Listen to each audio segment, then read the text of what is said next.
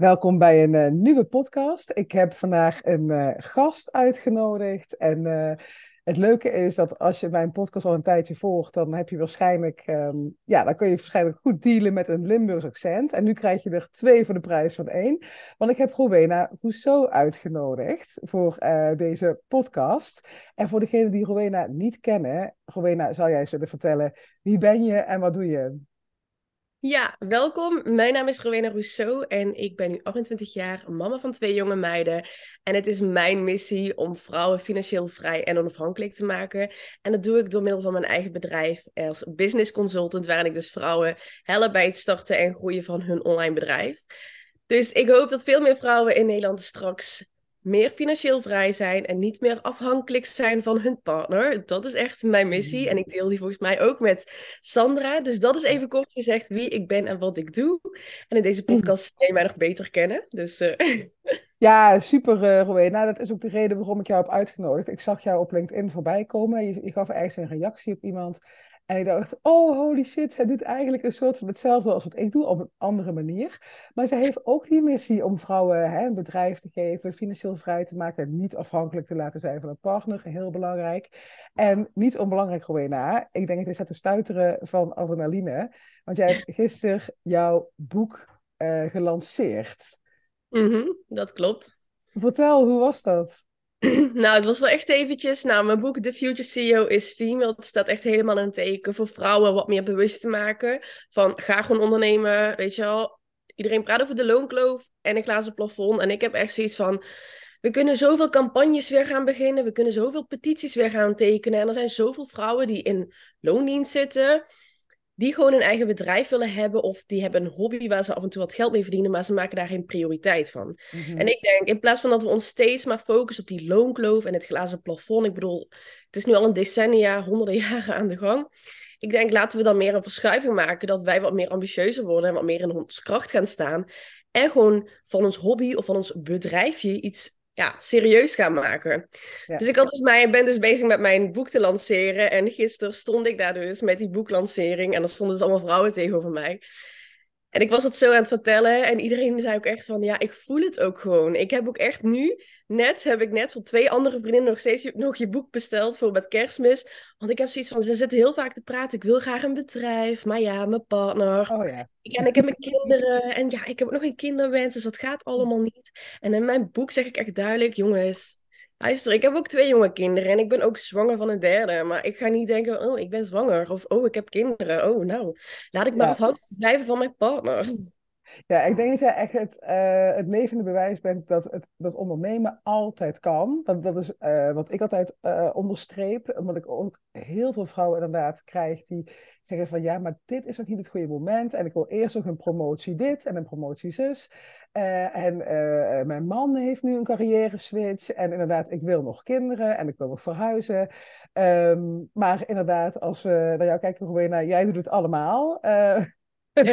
ik zei net al, toen wij eventjes in het voorbespreken waren, als ik jou uh, voorbij zie komen op socials en uh, dan denk ik, holy moly, doet ze dat ook nog? Weet je wel, komt dat, komt dat boek uit?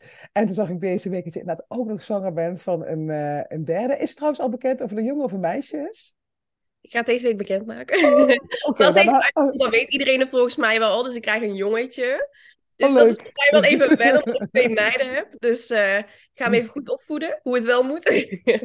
nee, maar um, boys love moms. Ik heb zelf twee jongens en uh, dat, ik, ik denk, ja, jongens en moeders, dat gaat gewoon altijd uh, fantastisch. Maar heel leuk dat je inderdaad dan inderdaad ook nog eentje van het andere geslacht ja. krijgt. Heel leuk, gefeliciteerd. Dankjewel.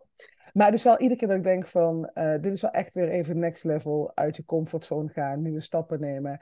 En um, um, wat, wat, hoe, hoe neem jij iedere keer dit soort keuzes, uh, Rowena? Want hè, we, hadden het net over vrouwen die net al die, die uh, belemmerende overtuigingen opwerpen, niet op het juiste moment, niet, uh, ja, dat noemt allemaal maar op. Maar hoe, hoe doe jij dat dan? Nou, ik heb gewoon één simpel motto. Ik denk niet, ik doe. Kijk, en dat is wat ik bij vrouwen veel zie gebeuren. Die gaan heel veel nadenken, precies wat jij zegt. Het is nu niet het juiste moment, en dit, en dat. En er komen allemaal excuses. Nou, ik kan nu ook wel heel vaak gaan denken van... Nou ja, ik ben nu zwanger, misschien moet ik het nu maar rustig aan gaan doen. Misschien moet ik het allemaal op een lager pitje gaan zetten. Misschien moet ik mijn man nu, of mijn partner nu wel wat meer de ruimte geven... om wat meer geld te verdienen. Ik weet je, ik kan mezelf nu ook helemaal wegcijferen. Maar ik denk, Nee, weet je, ik heb een bepaalde ambitie en dat is wat ik wil doen. Dit is wat ik wil bereiken. En ik wil volgend jaar weer mijn tweede boek uitgeven. En nu zegt iedereen weer tegen mij, ja, maar je krijgt een baby. En ik denk van, ja, dus. ik bedoel, ik heb ook mijn, twee, mijn tweede kind heb ik ook gekregen tijdens mijn afstudeerjaar. Toen heb ik ook gewoon mijn scriptie geschreven, de diploma behaald. En ik heb echt zoiets van, waarom zou ik niet nog een boek kunnen uitbrengen als ik een derde krijg? Ik bedoel... Ja, dat waarom, is waarom inderdaad dan niet, hè? Waarom zou dat dan niet kunnen? Geen idee. Maar dat is allemaal wat ons elkaar aanpraten, onszelf aanpraten. Maar heb jij, Rowena, ooit... Hoe, hoe oud was jij toen je met je eigen bedrijf startte? 19. 19. En had jij toen al dat motto van ik denk niet, ik doe? Of heb jij ergens wel ook die belemmerende overtuigingen gehad? Nou ja, op het begin natuurlijk wel, want Jack was natuurlijk jong. En die belemmerende overtuigingen waren niet zozeer vanuit mij, maar vooral van de, vanuit de omgeving. Bijvoorbeeld, ik was 19 jaar toen ik met mijn blog startte. En uiteindelijk had ik daar met 20 of 21 jaar uh, was ik ingeschreven bij de KVK daarvoor. Omdat ik daar geld mee verdiende. En iedereen zei, nou ja, misschien moet je een baan gaan zoeken, want ik weet niet of het echt levensvatbaar aanhoudt. En ik van, ja, misschien moet ik dan maar weer een baan gaan zoeken. Dus ik had een bijbaantje erbij genomen, maar ik werd er zo niet gelukkig van. En toen was ik dus afgestudeerd toen ik uh, 24, 25 was, 24, 25. En toen zeiden ze echt zo tegen mij, nou ja, dan ga je nu gewoon lekker een baan zoeken. Weet je, is ook wat financiële zekerheid voor die kinderen. En ik denk als jij je omringt met een omgeving die dat iedere keer blijft herhalen, dat je dan ook gewoon aan jezelf begint te twijfelen. En denkt van, ja, misschien is dat ook wel beter om gewoon in een baan uh, te zoeken. Maar ik had ook echt zoiets van, ja, nee, maar eh, ik lees altijd van die boeken en mensen die zeggen als je iets wil, ga ervoor. Dus ik denk van, er stond ook tegenstrijdig als jouw familie of jouw omgeving dan het andere uh, adviseert. Maar ik had echt zoiets van, weet je wat, ik blijf het gewoon doen. En tuurlijk, ik heb ook wel echt maanden of zelfs een jaar gekend dat ik bijna of amper inkomsten had. En ik had ook echt zoiets van, nou ja, goed, ik bijt liever door de zure appel heen en ik ga er gewoon voor, dan dat ik nu opgeef, een baan ga zoeken en over 30 jaar denk, wat ik toen toch maar doorgezet. Ja. ja, want wat is het voor jou dan, Rowena, dat een baan- en loondienst niet voor jou is? Omdat ik te veel zelf wil doen. En ik kan gewoon niet omgaan met autoriteit. En, Herkenbaar. ik, ik, kan er niet studeren als mensen tegen mij gaan vertellen wat ik doe. Want ik heb dus een maand dus bij zo'n online marketingbureau gewerkt. En ik heb gewoon een bepaalde visie met marketing. Ik weet gewoon heel goed wat werkt. Ik kan dingen van markten. Weet je, geef mij een ik zei altijd, geef mij een zakje poep en ik kan hem nog verkopen, weet je. En ik merkte gewoon met het online marketingbureau, die zaten zo vast in oude patronen en oude gewoontes. En ze hadden daar ook zo'n manager, een oudere man. Nou, die denken, nou, zetten we een leuke griet daar op de marketingafdeling, ook leuk. Ja, zo voelde ik me. Mhm. En ik voelde me ook niet serieus genomen, want iedere keer als ik dan... Ik had dus een keer een presentatie daar moeten geven. En ik weet nog heel goed dat ik een jurkje aan had en er zaten allemaal mannen tegen me en ik moest een pitch geven van een marketing- en conceptstrategie. En toen liep ik gewoon later de deur uit en toen hoorde ik echt allemaal van die seksuele dingen van, oh nou, uh, die billen mogen er wel zijn. Of hoe, daar zou ik wel een avondje mee willen gaan. En, zo. en ik stond gewoon op de gang en ik hoorde dat. En ik denk, dit is dus inderdaad de cultuur waar veel vrouwen het ook over hebben op de arbeidsmarkt. En ik voelde het zo, me zo niet serieus genomen. Ik wilde daar echt staan als een businessvrouw met een fucking goed idee. En ik werd gewoon niet serieus genomen. En nu ben ik een businessvrouw. En als een man zo tegen mij gaat doen, dan heb ik gewoon het lef. om gewoon te zeggen. Mm, mm, mm, en ik merk ook gewoon, nu ik mijn eigen geld heb en ik verdien gewoon genoeg met mijn bedrijf, dat ik dan ook niet zo afhankelijk hoef te zijn. Dat je het niet hoeft te slikken. Want ik dacht van ja, dadelijk ben ik mijn baan kwijt. Wat echt zoveel vrouwen waarschijnlijk hebben.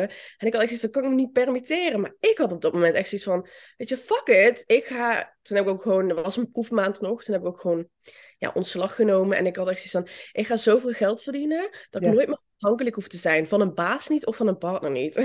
Dus eigenlijk heeft gewoon dat, dat nou, me-too-gedrag, zal ik het maar even ja. noemen heeft er eigenlijk toe geleid dat bij jou een soort vuurtje is aangegaan van, nou, F you. Ik ga, het, uh, ik ga het gewoon zonder jullie doen en ik ga uh, me niet afhankelijk laten zijn van uh, wat jullie willen of hoe jullie het zien. En I prove you wrong. Is dat een beetje het, het, het, vuurtje wat er is aangegaan? Ja, en ik merk dat ook, weet je, ik heb zoveel van die dingen meegemaakt. En iedere keer als ik inderdaad, wat jij zei net, hè, van als ik jouw post lees, lees ik alleen maar lef. Maar ik merk gewoon dat zoveel, ik voel het gewoon als vrouwen zeggen dat, dat er zoiets is gebeurd. Of hè, nu Ja. laatst met dat weekamp, dat eh, die vrouw minder verdient en ze krijgen Mhm. schadevergoeding. Denk ja, moeten we allemaal massaal maar naar de PR, hè, naar de Mhm. journalisten gaan lopen? Of gaan we gewoon het heft in eigen handen nemen? En ik heb ook zoiets van, ik voel het gewoon. En meestal praat ik ook gewoon met klanten. En het is niet alleen een baas of een arbeidsmarkt, maar ik heb ook wel eens klanten die dan zeggen... ehm, bijvoorbeeld, de, het kind is ziek. Ja, maar ja, ik, eh, zij had nog dingen te doen voor haar werk, voor haar bedrijf. En dan zegt haar man gewoon doodleuk, haar partner... Ja, maar ja, jij bent thuis, dus eh, ja, eh, zorg jij maar voor Pietje, weet je wel. Ja. en dan denk ik van, hmm, weet je, als mijn partner, dat deed mijn vorige partner ook, dat was ook een beetje waarom ik ben, ben gaan scheiden. Ik voelde me zo een huisvrouwtje, dat ik, ik was altijd maar thuis en zijn bedrijf, hè, die was aan het floreren, omdat ik, floreren, omdat ik, ja, hij zegt, nou ja, je bent thuis, is. jij doet dit en jij Ja. doet dat. En ik heb echt zoiets van, ja, maar ik ben geen huisvrouw, ik wil ook een carrière. En Ja. ja, het klinkt heel cru dat ik dit zeg, maar sinds mijn scheiding ben ik zo gegroeid met mijn bedrijf, omdat ik gewoon afstand heb kunnen nemen van dat huismoedertje, huisvrouwtje. Ik dacht echt van, ja, fuck it, ik ben geen huismoeder. Ja, fijn als dan- iemand is, ja. Maar ik geloof dat je dan letterlijk, als je zo'n eh, keuze durft te maken en zegt van, hé, hey, dit ben ik niet. Ik ga nu voor mezelf. En tuurlijk, hè, ehm, want dat, dat gaan, eh, dat, dat, die reactie ga je dan ook nog krijgen van, "Huh, maar geef je dat niet om je kinderen en bla bla bla. Nee, het kan en en. Jij kan en voor je kinderen er zijn en een fucking goede businessvrouw zijn. Dus ik geloof ook echt dat als je dat soort keuzes durft te maken, en niet dat iedere luisteraar die moet denken, mijn man stribbelt tegen als ik eh, aan mijn bedrijf werk, eh, dus ik moet gaan scheiden. Dat geloof ik ook niet. Ik geloof ook wel eens dat, ehm, ik heb ook wel eens met Johan hoor, dat hij eh, denkt van, eh, dat, dat is ook mijn eigen ding, hè, dat ik dan niet eh, hem goed genoeg meeneem en waar ik mee bezig ben. En dan denkt hij van, ben je toch druk? Kom gezellig doen, dat zeg maar. En dat ik denk, nee, laat me met rust. Ik wil echt nu focussen. Ik wil achter mijn laptop. Ik, ik heb een geniaal idee. Maar dan zie ik het ook heel vaak als een soort van uitdaging. Van nee, hier word ik dus op gechallenged. Van wil jij echt wel dat grote bedrijf? Dan moet je ook nog een bepaald soort weerstand heen. Ehm, maar ehm, eh, mooi dat jij dat vertelt, Rowena, dat jij inderdaad die keuze hebt gemaakt en echt eh, voor je eigen bedrijf bent gaan staan. Want ook, eh dat wil ik het ook nog even met je over hebben, wat je net zegt van, we hebben het over de loonkloof en ehm, eh, ja, de, de, de verschillende, ehm, ja, hoe we op waarde beoordeeld worden als vrouw en als man. En ik ben het met je eens, we kunnen daar heel lang over blijven ouwehoeren. Maar je kan ook het heft in eigen handen nemen. En is dat dus waar jouw boek over gaat? Van hoe je Ja. dus dat, dat heft in eigen handen neemt. Ja, en ook even terug over die rolverdeling, want ik heb inderdaad het eerste deel gaat echt over Yes You Can. En dat betekent ook inderdaad van, hè, daar haal ik ook even de, de patronen van nu in, in een gezin. Van, hè, je hoeft ook echt niet te scheiden, want toen ik het eerste deel sch- schreef, was ik nog samen met mijn partner. En ik zeg er ook echt in van, je hoeft niet te slikken. Hè, het hoeft ook niet zo te zijn dat als jouw partner zegt van, ga jij maar thuis in, dat jij daar zit en denkt, oké, weet je, je hebt gelijk. Ik zeg, blijf gewoon discussiëren en blijf gewoon communiceren met je partner, zodat hij ook gaat inzien van, oké, eh, je hebt gelijk en misschien kunnen we een compromis sluiten. Maar niet dat jij iedere keer ja en amen gaat antwoorden, want dan hou je het ook gewoon zelf een beetje in stand, hè? En inderdaad, precies Ja. wat jij zegt, van ik heb nu gewoon even full focus nodig en dan geef ik maar even wat weerstand. En dat is wat wij ook moeten doen, want dan gaan vrouwen, eh, die mannen dan wel denken, oké, zij moet gewoon haar ding doen. En Ja. ik merk nu wel gewoon met mijn huidige partner, weet je, hij is wat ouder dan ik en hij heeft ook twee kinderen. Hij heeft ook gewoon een eigen onderneming. En ik merk dat hij wel echt zo erg supportive is. En ik denk van, nou ja, niet iedereen heeft geluk met zo'n pannen of die heeft geen onderneming, dus die snapt niet precies wat jij doet. En als jij thuis bent, dat je ook gewoon aan het werken bent. Maar ik merk wel dat mij dat wel met meer groeit, laat groeien. Dus Ja, zorg in ieder geval dat je partner supportive wordt. En inderdaad, wat jij zegt, van mijn boek staat ook echt van het heft in de eigen handen nemen. Omdat veel vrouwen vragen, ja, ik weet niet hoe ik het moet doen. En hoe moet ik dit doen? En hoe moet ik dat doen? En in mijn boek geef ik je gewoon echt concrete stappen van zo en zo kun je het gaan aanpakken. Om bijvoorbeeld die eerste klanten binnen te halen. Om bijvoorbeeld die eerste interview in een magazine te krijgen. Of hè, die eerste salesgesprek door te gaan. Of die belemmerende overtuiging te weerleggen. En dat is inderdaad wat jij zegt, van we kunnen het heft in eigen handen nemen, die loonkloof, ja, superleuk en aardig, maar ga er gewoon voor en hou op met jezelf dit klein te houden. Ja. ja, dat. Ja, en ik ben blij dat je dat boek uh, geschreven hebt, Rowena. Want um, als ik naar mezelf kijk, tien jaar geleden, ik had, ik had dus, uh, hoe ik erbij zat, hè, ik zat in loondienst, ik werkte op de Zuidas. En ik was dus inderdaad zo'n vrouw die maar zat na te denken, vooral in dat hoofd van hoe kan ik nou ooit eens meer gaan verdienen? Want ik was dan executive assistant en dan was dan um, uh, uh, het hoogst haalbare destijds was, uh, ik geloof, 4000 euro bruto. En daar moest ik echt al voor vechten. En ik dacht, dit kan het toch niet zijn, weet je. Ik moet, er moet er een manier zijn. En ik zat maar in mijn bed na te denken en te googelen. En um, als ik toen inderdaad meer de mentaliteit had gehad van hou eens op met denken en uh, ga eens gewoon doen. Of in mijn geval ook meer gaan voelen. Luisteren naar van, hè, wat, wat is er nog meer van jou weggelegd? Dan had ik misschien eerder die stappen genomen. Dus ik hoop gewoon dat met jouw boek, en je zei al wat gisteravond, dat je twee uh, dames sowieso hebt kunnen inspireren om nu echt in die actiestand te komen. En dan, dan is het eigenlijk al een mega succes. Toch als je één vrouw al uh, echt in die actiestand krijgt en minder uit het uh, denken, denken, denken, maar gewoon echt gaan doen, ja, kan me voorstellen dat je daar mega trots op bent. Ja, en ik, ik herken echt wat jij zegt, hè, van hoe kan ik meer geld verdienen en niet maar denken, hoe ga ik dat doen, hoe moet ik dat dan doen? Want je zit op een gegeven moment zo vast in zo'n, zo'n ja, ik noem het altijd zo'n hamsterwieletje. Ja. En dan wil je wel eruit komen, maar dan denk je, nee, ik blijf dan toch maar rennen, want ja, huis, hypotheek, weet je, en dit moet ik betalen en uh, dit. Als ik nu die sprong in het diepe ga nemen, ga ik dan wat verdienen? En als ik dan niks verdien. En ik wil dan ook even een bruggetje maken, inderdaad, naar uh, mijn moeder had precies inderdaad hetzelfde. Die, ja, maar die zat ook echt al jaren bij een bedrijf en ze had het er wel naar haar zin, maar ja, ze verdiende eigenlijk heel weinig. Ze kreeg nooit, ze kreeg nooit opslag. En ze, ze, zij, ze, wij hadden best wel vaak een gesprek waarin ze zei van ja, ik wil wel meer verdienen. Moet dan een side hebben? Of moet ik dan ja, iets gaan doen? En hoe moet ik dat dan doen? Ik zeg, man, begin gewoon voor jezelf. En iedere keer nee en nee, ik ben al een vijf. Ja, toen was ze 56 of zo. Ik ben al een 50-plusser. En hoe moet ik dat dan gaan doen? En ik heb daar toch helemaal geen kaas van gegeten. En toen op een gegeven moment, begin dit jaar, in maart, werd er bij haar uh, borstkanker uh, geconstateerd. En nou ja, goed, gelukkig kon het wel allemaal gewoon nog beholpen worden zonder chemo. Maar ze, ze was er gewoon echt heel erg op tijd bij. Maar ze zegt, Rowena, stel je nou voor, het was later gekomen, of ik zat chemo, of ik had nog maar zo weinig, te, of nog maar zo x aantal jaar te leven of maanden. Dus toen is ze heel kritisch gaan kijken naar haar leven. En zo van, hoe wil ik de komende tien jaar nog gaan vullen? Want stel je voor borstkanker, ja, kan altijd terugkomen. Want ze heeft haar borst niet geamputeerd. Dus ze hebben gezegd, er is nog een kans dat het terug gaat komen. Dus zij ook zoiets van, ik heb gewoon, ze zei zo, ik zeg maar, wat wil je dan heel graag? Nou, lijkt me echt superleuk om gewoon zo'n camper te kopen en dan rond te trekken. Ik zeg, ja, waarom doe je dat niet? Ja, maar ja, ik heb mijn baan en ik heb een huis gekocht vorig jaar en uh, ik heb een hoge hypotheek. Ik zeg, ja, maar dat is dus precies wat al die mensen, al die vrouwen in dat hamsterwiel halen. En toen moest ik zo hard lachen, want we waren in augustus, zijn we een week op vakantie gegaan naar Spanje en ik heb best wel veel passieve inkomen, passieve verdienmodellen. En mijn moeder heeft mij best wel veel geholpen met mijn financiën, klantbeheer, omdat ik het gewoon echt helemaal niet meer geregeld kreeg. Dus zij heeft dingen van mij overgenomen. En toen zag ze een beetje inderdaad mijn verdienmodellen. En ik weet nog zo goed, we waren gewoon een week in Spanje. We lagen gewoon iedere dag aan het zwembad, het strand. Ik heb mijn laptop niet eens opengeklapt. En die week had ik 3200 euro aan omzet gegenereerd, maar allemaal passief. Vanuit mijn mhm. membership, e-books, ik verkoop templates, ik heb affiliate commissies uh, lopen. En toen had ze echt zoiets van, Jezus, ja, zij verdient uh, eh, 2100 euro netto met 40 uur per week werken. Zegt ze, jij hebt de hele week gewoon op het strand gelegen.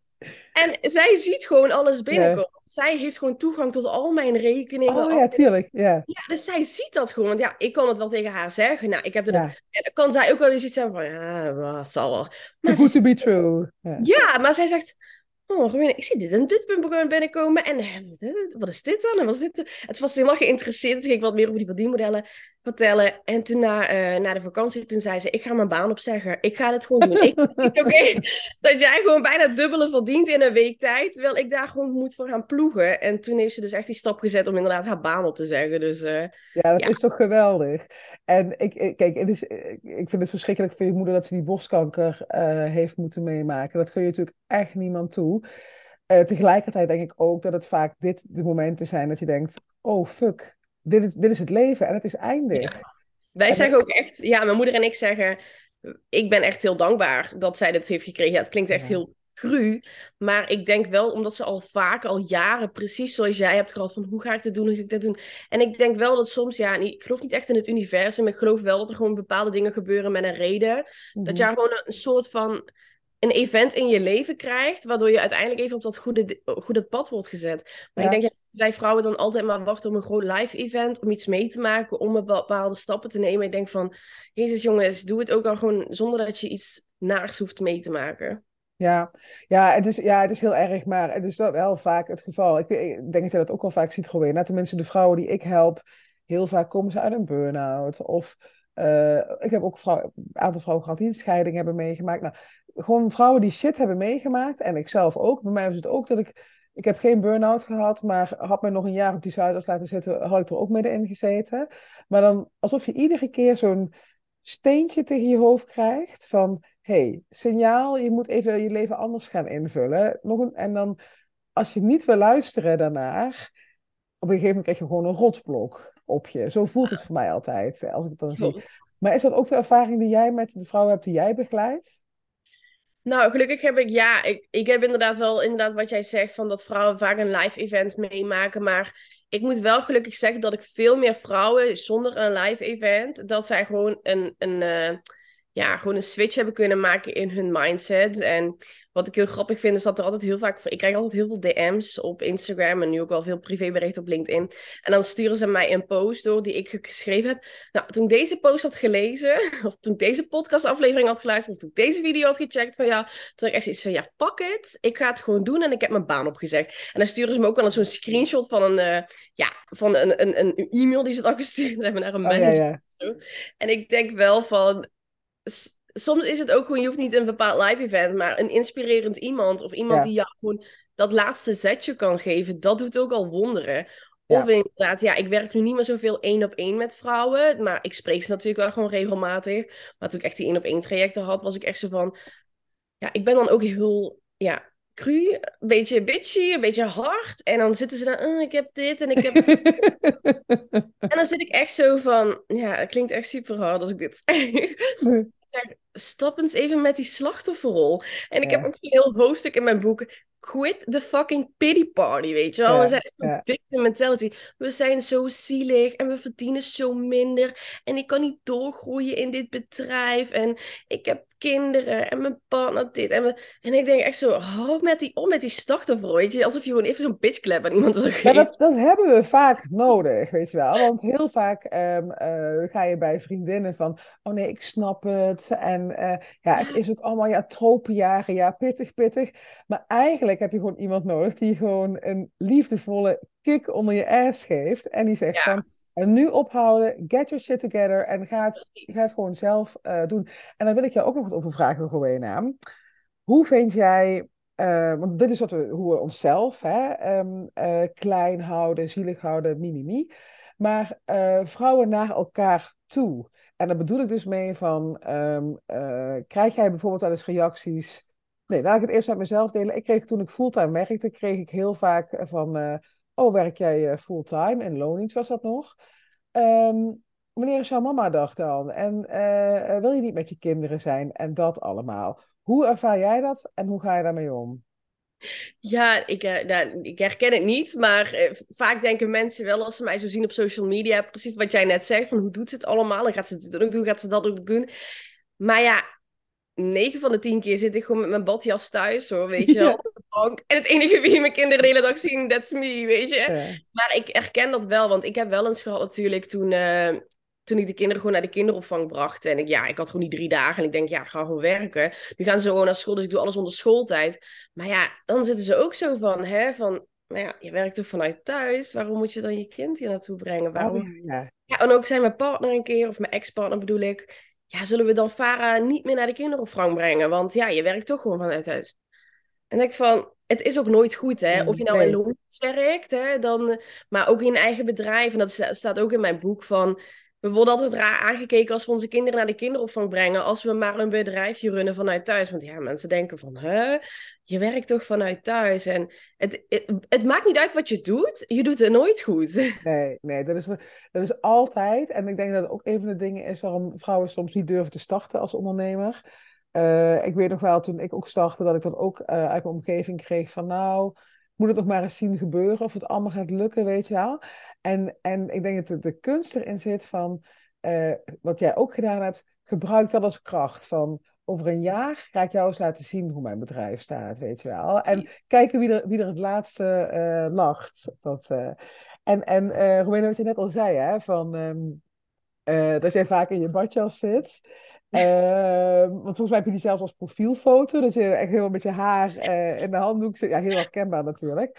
Uh, je maar je, je, bent ook, je hebt een soort van, zoals ik het zie, een soort van twee persoonlijkheden. Dat je, nu zit je bijvoorbeeld hè, helemaal in de glam, donderdagochtend, oh. achter de... Ik zeg altijd, vijf dagen in de maand zit ik helemaal in de glam, en de rest van de maand zie je mij gewoon in de badjas. En hoe, hoe want voel jij je dan ook anders? Of heeft het dan een bepaalde ja, hoe, hoe nou, is dat voor jou? Ja. ja, weet je, ik heb echt zoiets van wat ik, hoe ik mezelf opstel, hoe ik, wat ik draag, dat definieert mij niet per direct per se als een goede of slechte ondernemer, weet je. Ik bedoel, mijn vorige partner, die zei, ja, ja, sorry, ik ging soms vier uur lang in bad liggen. Of ik ging lekker relaxen. Of ik ging, ja, met een masker op mijn hoofd, masker op mijn gezicht en met mijn badjas. En dan zag hij dat en hij zei, ja, en die moet je wat zelf wat meer uh, aankleden als je serieus genomen wil worden. En ik denk echt zo, waarom? Waarom moet ik serieus? Ik, ik verdien gewoon geld hoor. Ik bedoel, uh, maakt toch niet uit of ik er dan goed of niet goed uitzie. En ik, Kijk, mijn huidige partner, die moet altijd lachen. Want ik zei vorige week tegen hem, ik zeg, ik heb volgende maand gewoon vijf adviesdagen. Hij zegt, moet jij vijf hele dagen werken volgende maand? Moet jij je dan klaarmaken en het oh, huis... ja. ja. Wat erg. Ja, wat zielig voor je. Ja. ja, maar het wordt heel sarcastisch. En dan kunnen we dan ook gewoon op lachen. En hij, ik, ik zo van, hij zegt dan, wat ga je vandaag doen? Ik zeg, nou, ik heb een werkdag. Ik heb allemaal dingen die ik nog moet doen en zo. Hij zegt zo, oh, dus die badjas die gaat niet meer uit. Ik zo, nee. Wat, want, want wat, wat vind jij dan gewoon naar, want uh, je hoort bijvoorbeeld ook uh, uh, high-end ondernemers zeggen van nee, je moet echt iedere dag hakken ja. aan. Ja. Ja, ik, denk, ik denk dat daar de filosofie achter is van, uh, dat heb ik zelf ook wel hoor. Als ik mezelf een beetje fatsoenlijk aankleed en een make-upje op doe, voel ik me net even iets meer powerful. Tuurlijk, tuurlijk, ja. Ja, maar dat heb je dus niet nodig. Ik, kan ik, kan dat ik heb zoiets van, het zit allemaal in mijn hoofd. Ik heb een bepaalde missie en dat is zo krachtig. Daar heb ik echt een make-up voor nodig of een uh, glamorous uh, outfit. Weet je, ik kan gewoon iedere dag in mijn kracht staan, ongeacht of ik knaakt ben of in mijn badjas sta of weet je, gewoon geen make-up op heb. En ik denk dat dat ook juist de kracht is. Dus... Uh, ja, dat vind ik ook. Ik heb wel gewoon business fotoshoots, want ik wil gewoon op LinkedIn natuurlijk wel. Maar ja, op Instagram stories sta ik 9 van de 10 keer inderdaad gewoon in mijn badjas en een klont op mijn hoofd. Ja, weet je. Maar denk je ook dat uh, uh, jouw volgers daardoor beter met jou kunnen connecten? Dat ja. zeggen van, oh, zij is wel inderdaad die vrouw die het helemaal voor elkaar heeft. Maar daarnaast zit ze ook gewoon lekker in een badjas en uh, make-uploos uh, voor het Ja, iemand zei er gisteren, toen ik, toen ik op de boeklancering, want die volgt mij dus ook op Insta. Ze zegt zo, wauw, jij ziet er echt glamorous uit. Ik denk, je komt hier in je badjas naartoe gewoon om een statement te maken. Ik kijk zo, oh, dat had ik eigenlijk ook nog kunnen doen. Oh, wat grappig. Ja. Dat wordt een soort van onderdeel van jouw personal brand, dat jij in die badjas... Ja, nou, uh, blijkbaar wel. Mensen ja. associëren mij vaak met een badjas en een rode wijn, want dat is waar ik het meeste mee beschrijf. Ja. en dat willen we toch eigenlijk allemaal, in je badjas zitten met een glas rode wijn en ondertussen uh, lekker die passieve inkomsten binnen laten komen. Precies, en dat is ook de reden waarom ik gewoon mijn Instagram profielfoto gewoon naar die badjas heb gedaan. Ja, dat is toch mijn dagelijkse outfit, dus ik kan mezelf net zo goed daar zo zichtbaar maken. Ja, en dan is ook weer dat toch, hè, wat ik in het begin ook zei, van dat ik jou echt associeer met lef en ook een beetje met uh, scheid aan. Hè? Van, ik kan me voorstellen met, uh, ja, volgens mij heb je best wel wat meegemaakt de afgelopen jaar of jaren. Uh, dat mensen daar wat van vinden. überhaupt, hè, dat, nou, wij komen allebei uit Limburg en um, zoals ik het ervaren heb, is het toch in Limburg net even een tandje meer van doe nou maar gewoon, dan doe je al gek genoeg. En uh, um, ik, merk, ik, merk, het ook bij buddies maar uit Brabant. Die zeggen van op het moment dat ze online zichtbaar worden, dat dan ja, dat hun omgeving echt denkt van, wat, wat ga jij doen in godsnaam? Hoezo moet jij, ga je daar nou klanten mee vinden als je stories gaat maken op Instagram? Hè, hoe, waar gaat dat over?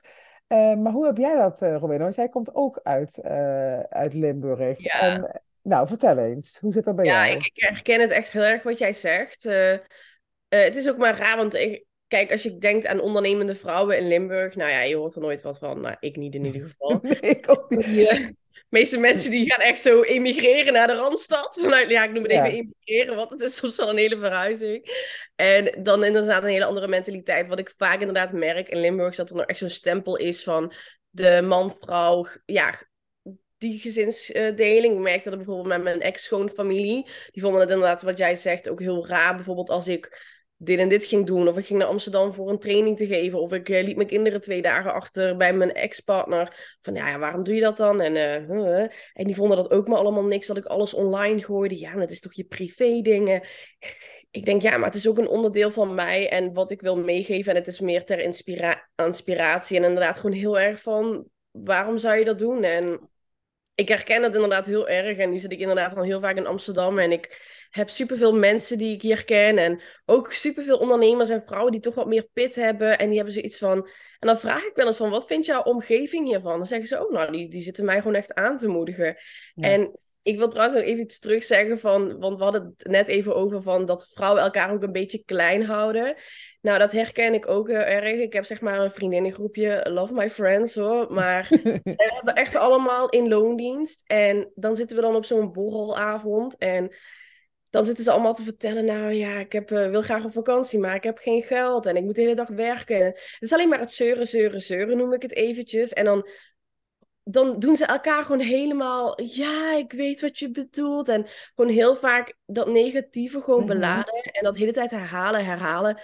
En dan zit ik echt zo, ja, soms heb ik dan een wijntje te veel, want ik merk dat ik dan ook te veel ga discussiëren. Ik zeg, ja, what the fuck, waarom ga je niet je eigen bedrijf starten? Of waarom zorg je niet voor extra inkomsten? Of waarom dit niet?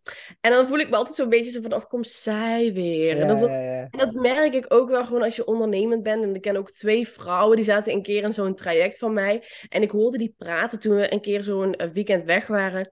Ja, mijn bedrijf loopt echt kut. Ja, mijne ook. Ja, Ja. ik weet het allemaal niet meer. Ja, ik ook niet. En ik dacht, ik echt zo van, jongens, ja, ik liep daar naartoe. Ik zeg, als we dit allemaal blijven herhalen en als we Ja. ons omringen met vrouwen die dat allemaal blijven herhalen, dan zitten we vooral blijven vooral altijd in dat hamsterwiel re- rondrennen. Dus kijk ook echt kritisch naar je omgeving als je Ja. iets stop wil zetten. Van, zij, geven, gaan deze mensen mij supporten of niet? Ja, het klinkt heel cru, maar als het niet het geval is, praat er Ja. niet meer over. Hè? Praat gewoon over de dingen waar je gewoon wel met elkaar kunt levelen. Maar praat er niet meer over je ambities. Nee, het heeft ook eh, totaal geen zin, vind ik zelf hoor. Want eh, in het begin heb ik me zo uit het veld laten slaan door anderen. En nu heb ik inderdaad eh, een soort van keuze gemaakt van, nou, met die mensen praat ik nou echt helemaal je, voluit over je bedrijf en je passie en je missie en alles. Maar met bepaalde vrienden, ehm, ja, die in loondienst zitten, denk ik, ja, die zullen toch nooit begrijpen van waarom jij bijvoorbeeld investeert, hè? Waarom je duizenden euro's in een bepaald traject investeert of eh, waarom je bepaalde keuzes maakt. Dus het, heeft de, de, de, het is vaak een beetje zinloos, voor, voelt het voor mij.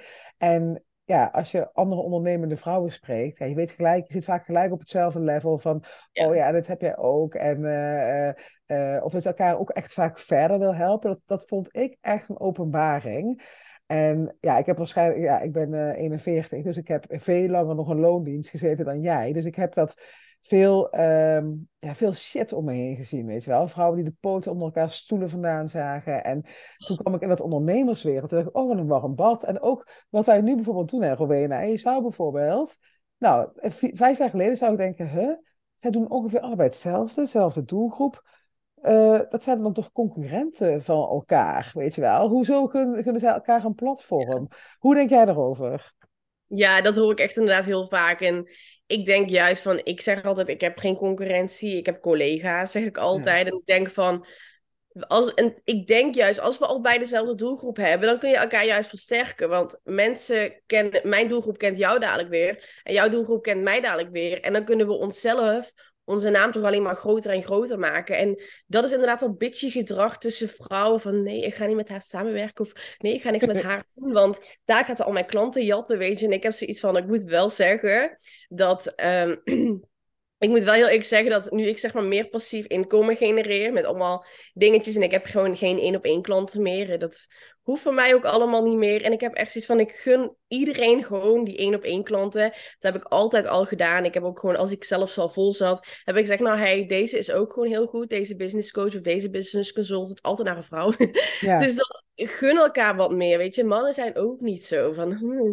Nee. Ik denk van, als wij vrouwen dat inderdaad wat meer doen, meer gaan samenwerken en meer gewoon leads gaan doorverwijzen naar anderen, denk ik van dan kom, dan, dan help je ook meer die ondernemende vrouwen in Nederland. Dat ze gewoon rond, rond kunnen komen. En dan groeit het ook gewoon het percentage. Dus ja. ik heb zoiets van al hands on deck. Zeker. En um, het is wel grappig, want we hadden het net over Limburgse onderneemsters. En een van mijn voorbeelden is uh, Annemarie van Gaal. Ken je haar? Ja, wel iets van gehoord, ja. Ja, zij is uh, als Limburgs meisje naar Amsterdam gegaan uh, op de 18e. Werd daar letterlijk zwanger van de eerste beste Amerikaan die ze tegenkwam op het Centraal Station. Nou, heel verhaal. Je, je moet, eigenlijk moet je echt even haar verhaal horen. Want zij heeft toen besloten van... Uh, iedereen zei tegen haar van... Ja, nu moet je er maar een uitkering gaan nemen. Want je bent single mom, weet je wel, met een kindje.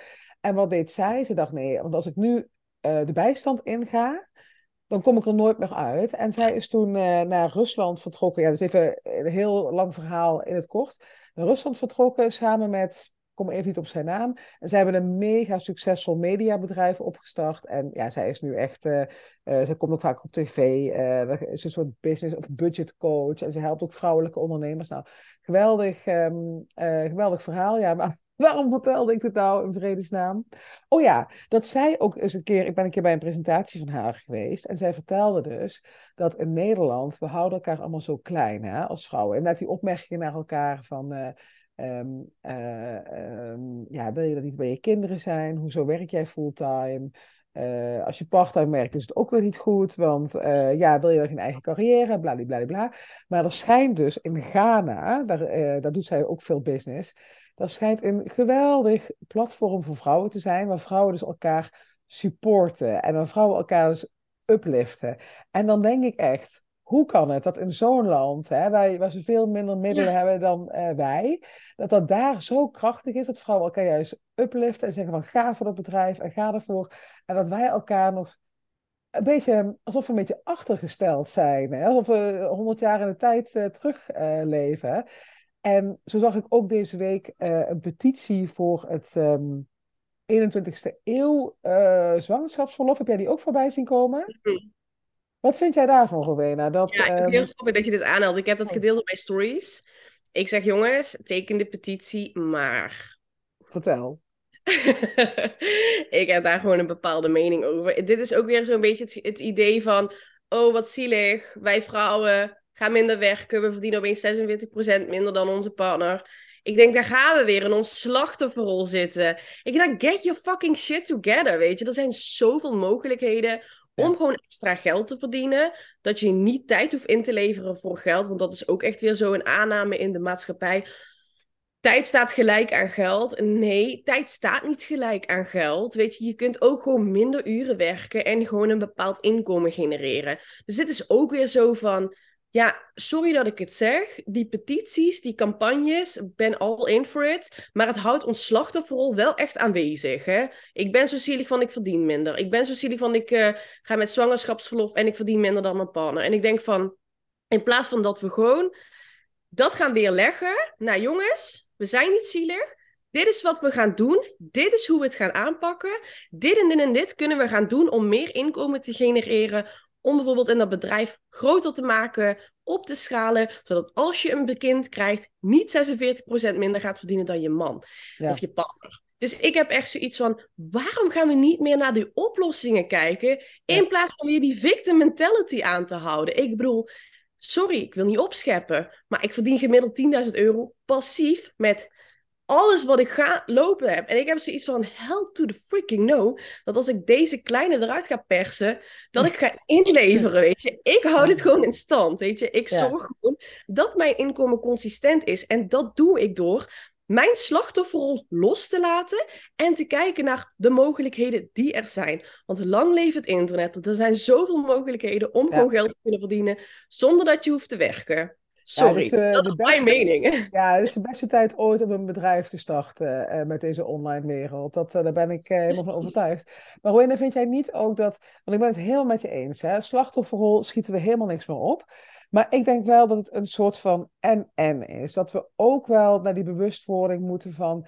hé, hey, dit, dit klopt toch niet helemaal. Hè? Zo weinig vrouwen in de board. En, uh, en ongeacht hoe dat komt, hè? want ik denk dat we ook uh, dat, dat mannen vaak zelfs nog heel vet vinden van hé, hey, kom maar hè, kom maar vrouwen. Maar dat we misschien elkaar af en toe klein houden.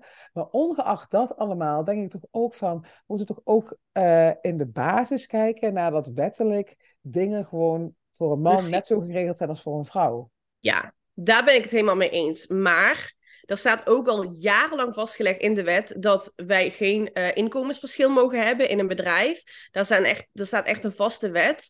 En bedrijven houden zich daar ook niet aan. En ik vind dat de regering daar ook niet echt in optreedt. Ze moeten zeg maar wel iets aan het eind van een jaar inleveren en laten zien van nou, dit zijn onze salarisverhoudingen. Maar er worden verder geen actie ondernomen. Nee. Ik denk ook gewoon heel eerlijk dat we ook niet alles bij de regering moeten gaan leggen. Maar dat we inderdaad tuurlijk, we moeten streven naar die bewustwording. Maar we moeten in the meantime, dat dat gecreëerd wordt, moeten we ook wel gewoon zelf aan de slag gaan, denk ik. En ik denk gewoon, we moeten die petities sowieso aanhouden in die campagnes. Maar we moeten ervoor behoeden dat we dan niet in de slachtofferrol vallen en denken, ja, en ik ben zielig en ik verdien minder. Dan denk je van, oké, weet je, dit is nu wat er is. Er gaat verandering komen, maar dit is wat ik nu kan doen om het tegen te gaan, zelf. Precies dat. Gewoon die eigen verantwoordelijkheid nemen. En dan ja. is het prima dat we het ook gewoon eh, die bewustwording creëren. Maar blijf daar niet op wachten. Want dat gaat, nog heel, lang, ja. dat gaat nog heel lang duren. denk ik echt. We hebben het er al zo vaak over. En ik, uh, ik vind sommige dingen, moet ik wel zeggen, nou, dit is echt een heel raar vergelijk. Maar als ik kijk nu naar de modellenindustrie, hè, dat je daar nu echt die hele inclusiviteit ziet denk, oh, dat is, ik kan me dat al herinneren van de jaren tachtig. Dat we daar dat we toen al over hadden van ja, dat, dat er alleen maar uh, hele dunne, ja, zeg maar het, model Barbie rondliep op de catwalk. En dat we nu inderdaad uh, um, van alles en nog wat zien. Maar er is dus echt, nou, uh, bijna 30, 40 jaar aan uh, vooraf gegaan voordat we dit bereikt hebben. En we gaan er echt wel komen. Ik geloof het echt wel hoor. Als we gewoon inderdaad uh, zo doorgaan zoals we nu zijn. En um, ik, ik denk ook dat het ermee te maken heeft. Ik heb dat laatst ook in een andere podcast besproken met um, Annemarie Stevens. Dat zij is um, pedagogisch specialist. Maar dat we zijn natuurlijk, we komen al van heel ver, hè? dat we geen stemrecht ja. hadden. Dat we, nou, onze moeders, uh, nou jouw moeder dan niet, maar mijn moeder, die, die heeft echt haar hele leven een beetje achter het fornuis gestaan, weet je wel. Echt zo'n uh, uh, ja, traditionele verhouding. Dat hebben we al achter ons gelaten. Het is al heel normaal dat vrouwen werken. En tuurlijk hebben wij nu nog struggles met echt die gelijke positie. Dus het is gewoon een soort groeipijn. Dat denk ik ja. echt. En we komen er echt wel, maar in de meantime, inderdaad, ga dat boek lezen van jou. En laat ja, je, daar haal ik ook echt in het eerste deel aan. In 1956 kregen we pas dat wij een bankrekening mochten openen. Ja. Dus eigenlijk niet zo lang, lang, geleden. Maar ik heb inderdaad, dat zeg ik ook in het eerste deel van het boek, van we zitten nog wel midden in die transitie. Ja. En ja, we mogen ons inschrijven bij de KVK. En ja, we mogen een universiteit. En, maar dat staat nog niet gelijk dat we ook meteen als iemand als een individu worden gezien dat van hé, hey, dat kan succesvol zijn. Heel veel mensen die een leuke KVK-map, hi, ik heb ingeschreven. En dat ze denken van, nou ja, misschien kun je wel beter nog een baan erbij houden. Of misschien kun je nog wel, vergeet je kinderen niet en kunnen we dit. En dat moeten we weghouden. Dat ze zeggen ja. van, gefeliciteerd. Weet je, ja. en gewoon zip your lip. Punt, ja. ja. Ja, ja, ja. gaaf Roeda. En... Um... Uh, ik wil eigenlijk een beetje gaan uh, uh, afronden met de podcast. ik wil jou alleen nog even twee dingen vragen. En dat is, uh, ben ik nog iets vergeten te vragen aan jou? Is er nog iets wat we de wereld in moeten slingeren? Nee, ik denk dat we eigenlijk wel gewoon goede punten hebben gemaakt tijdens deze podcast. Ook gewoon dat mensen deze podcast kunnen luisteren en de inzichten gewoon tot zich kunnen nemen. En denken van, weet je wat, jullie hebben gewoon gelijk. En ik ga vanaf nu gewoon checken wat ik nog aan mogelijkheden heb om gewoon extra inkomen te genereren. Of ik ga gewoon mijn bedrijf serieus nemen. Ik denk dat die actie, dat het gewoon het allerbelangrijkste is. Ja. Ja, dat denk ik ook. Gewoon ga iets doen, weet je. Dat, dat, dat, En als je het spannend vindt, ja, laat je ook gewoon begeleiden. Er zijn genoeg trainingen, coaches, iedereen. Hè, er staat een, een leger voor je klaar die je wil helpen om echt een succesvol bedrijf te maken. Je hoeft echt allemaal niet, uh, niet alleen te doen. Um, ik ga ook de link naar jouw boek in de show notes zetten. dus als mensen nu, uh, ja, als vrouwen nu luisteren en denken van, oké, hoe kom ik nou in die actiestand? Uh, nou, gewoon even een prachtig boek voor je geschreven. Ga ik, kun je terugvinden in, in de show notes. En um, ja, Rowena, als ik je dan als laatste vraag mag stellen.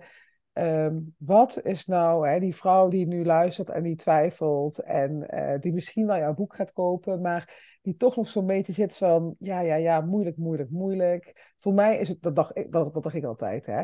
Ja, iedereen kan zeggen dat hij ondernemer kan worden, maar voor mij is het wel echt moeilijker, want ik ben kostwinnaar. Zo hield ik mezelf klein.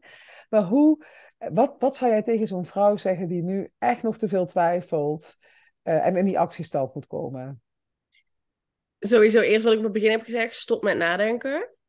Jij weet, jij weet wat je wil, dus ga gewoon voor jezelf nadenken. Ik zeg altijd, bepaal een scène hoe jij jezelf ziet, het gelukkig ziet. En is dat in loondienst helemaal prima. Maar zie jij je wel gewoon als een succesvolle ondernemer, dan zeg ik nu, we gaan nu iets doen. Weet je, je kunt mijn boek kopen en je komt meteen in actiestand. Maar je kunt ook gewoon een inspirerende docu gaan kijken of iets al begin je gewoon met een eerste post schrijven, ga gewoon iets doen wat jou brengt naar die ene scène waar jij heel goed in bent. En stop met nadenken met dit zegt dit, die zegt dat, uh, dit gaat niet. En niet nadenken, neem nu die eerste stap. Dat ene kleine dingetje wat jou kan brengen naar die scène waar jij het gelukkigst in bent. Ja, supermooi.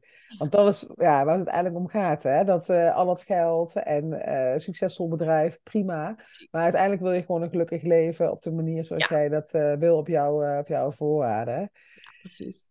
Nou, ik vond het ontzettend leuk om je te spreken, Rowena. En ook om vooral jouw vuur en passie achter het allemaal te voelen. En um, ja, dankjewel. Uh, dankjewel ja, jij bedankt voor deze uitnodiging, voor deze podcast. Ik vond het ook heel fijn. Je praat ook heel fijn, hele fijne vragen gesteld. Dus ik hoop dat we ons punt gemaakt hebben tijdens deze aflevering. Ja, en jij hebt nog uh, meer te vertellen vandaag, want je hebt nog allemaal interviews over uh, je boeklancering. En, uh... ja, het staat lekker veel op de planning nu, ja. Ja, nou, en, en dat kan dus ook, hè, terwijl je dus zwanger bent van je derde kind. Dat je gewoon op een dag zegt, nou, ik, volgens mij spreek je de Flair nog vandaag en de Telegraaf spreek je nog. Ja, dat ja. kan dus allemaal, inderdaad. Dus, you can have it all, baby. nou, laten we daarmee afsluiten. Bedankt voor het luisteren en tot de volgende podcast. Doei, doei.